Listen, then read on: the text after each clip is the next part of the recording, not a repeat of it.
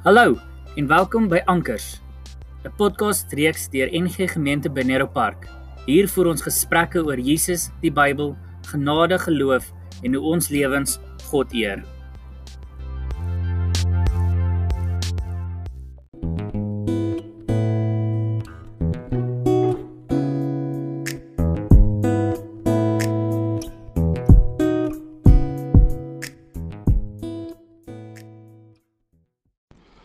Goeiemôre.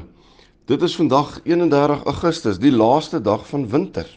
Môre is lentedag. So sien sommer baie daarna uit, maar as ek kyk hoe dit buite lyk, lyk dit of dit koel cool kan wees en ons hoop vir 'n bietjie reën. Ek hoor slim mense praat van môre dat dit dalk kan reën. Ons is by die volgende gelykenis wat Jesus vertel en dit gaan oor die um onbarmhartige um dienskneg of amptenaar uh, met dubbele standaarde. Ek lees vir ons uit Matteus 18 hier van vers 21 af. Daarop vra Petrus vir die Here: "Hoeveel maal moet 'n mens mekaar vergewe of 'n medegelowige vergewe wat iets verkeerd aan my gedoen het?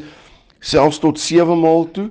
En Petrus, ek wil net gou daar stop. Petrus het nogal gedink hy beïndruk die Here as hy sê 7 keer, want die Jode destyds geglo dat selfs God vergewe iemand net 3 keer. Dis wat hulle geglo. Daar was nie ehm um, spesifieke gronde daarvoor hoekom hulle dit geglo het nie. En toe hy nou sê self 7 keer, toe sê Jesus vir hom nie tot 7 maal toe nie, maar tot 70 maal 7 toe. Om hierdie rede kan God se koningsheerskappy vergelyk word met 'n koning wat besluit het om na te gaan wat sy amptenaar onskuld skaars hierdie ondersoek begin of een word hom toe gebring wat hom miljoene rande skuld. In die grondteks, die Grieks staan daar 100 dirham en ehm, 'n um, dagloon was omtrent 1 dirham gewees. Met ander woorde, so dis 100 dae se dagloon. So dis baie baie geld vir daai tyd want as dit jou dagloon is en jy moet leef daarvan, hoeveel kan jy nog spaar? So dit sou eintlik onmoontlik gewees het om dit terug te betaal. En toe hy dit nie kon bybring nie, gee die koning opdrag dat hy sy vrou en sy kinders en al sy besittings verkoop moet word om sy skuld te betaal. Dit is natuurlik iets wat in die antieke tyd gebeur het dat almal kon verkoop word. Almal het 'n prys gehad. Wil ek amper sê op jou kop. Ehm um, slawehandel en so aan het nog het dit was maar hoe hulle gewerk het. Dit was nie vreemd nie. Hy val toe voor die koning neer en smeek hom: "Gee my kans, ek sal alles al aan u terugbetaal." Daarop het die koning hom jammer gekry, innig jammer gekry en het hom laat gaan en sy skuld afgeskryf. Toe die amptenaar daarvan daan wegloop, loop hy egter een van sy mede-amptenare raak wat hom net 'n paar rand skuld en hy gryp hom in die keel en sê betaal jou skuld. Sy amptenaar val toe voor hom neer en smeek hom gee my kans ek sal alles aan jou terugbetaal. Maar daarvan wou sy skuldeiser nie hoor nie. Hy is daar weg en het hom in die tronk laat gooi waar hy sou moes bly tot al sy skuld afbetaal is.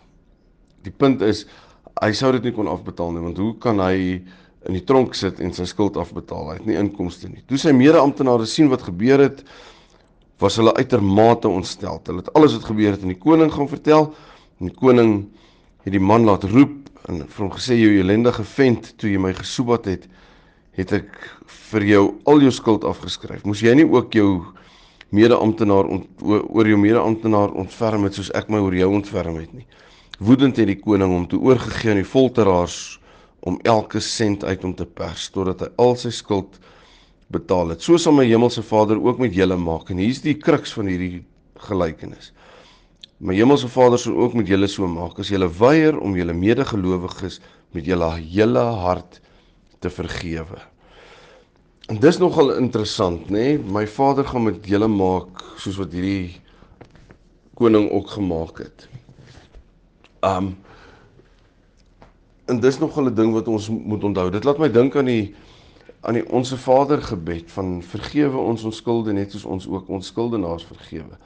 Onder met ander woorde, op dieselfde manier waarop ek vergewe, vergewe my asseblief. Vergifnis was 'n nuwe ding in die Nuwe Testament, is 'n nuwe ding wat Jesus kom leer het.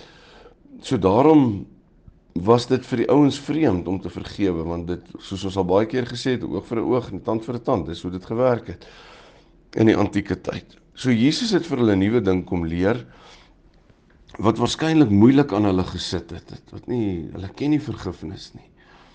Vergelding was die ding. Dis hoe ons die dinge gedoen het, sou hulle kon sê. Maar hierdie gedeelte herinner ons maar net weer aan vergifnis. Dat daar nie vergewe ag um, dat daar nie getel moet word wanneer ons vergewe nie. So dit gaan nie regtig oor 70 maal 7 maal 7 wat 49 490 is nie, maar dit gaan oor eh, hou aan vergewe. Ek dink sommer net daaraan oor hoeveel keer ons al vir God vergifnis gevra het vir dieselfde ding. En elke keer dink ek as ons Here sal dit nie weer doen nie. Here hierdie keer, hierdie keer sal ek dit nie weer doen nie. Vergewe my asseblief. En ek wonder hoeveel hierdie kere was daar al in ons lewens. En God het al ons sondes vergewe. Klaar. Dan sê die gelykenis net vir ons vanoggend dat ons moet dieselfde gesindheid hê teenoor mense rondom ons. Ons moet dit so goed onthou dat ons dit sal sal onthou om te vergewe en en dat dit ons rol is om te vergewe as gelowiges. Dat ons nooit sal weier om mekaar te vergewe nie en altyd sal onthou dat dit die voorbeeld is wat God vir ons gegee het. Iemand het eendag geskryf en gesê vergifnis is die soet geur wat die viooltjie nalat op die skoensool wat haar plat getrap het. Iemand anders het gesê wanneer ons baie diep seer gekry het, genees ons nie voordat ons kan vergewe nie. Vergifnis om om nie te vergewe nie maak ons self siek. En ja, hoekom wil ons dan vir altyd siek bly as ons nie bereid is om te vergewe nie? Kom ons onthou dit. Hemelse Vader, dankie dat ons vanoggend weer kon leer van vergifnis en herinner kon word. Dis eintlik iets wat ons lankal weet, maar dat ons deur hierdie gelykenis net weer aan vergifnis herinner kan word. Heilige Gees, praat hard met ons in ons binneste oor hierdie onderwerp. As daar nog mense is vir wie ons moet vergewe, dat ons dit vandag sal doen. Want ons dra eintlik maar net die seer met ons saam as ons dit nie doen nie. Dankie dat U ons volkome vergewe het, Vader. En ons gaan daardie vergifnis ook op dieselfde manier doen aan mense rondom ons. Amen. Dankie, lekker dag vir almal. Ons gesels môre op die lente dag weer.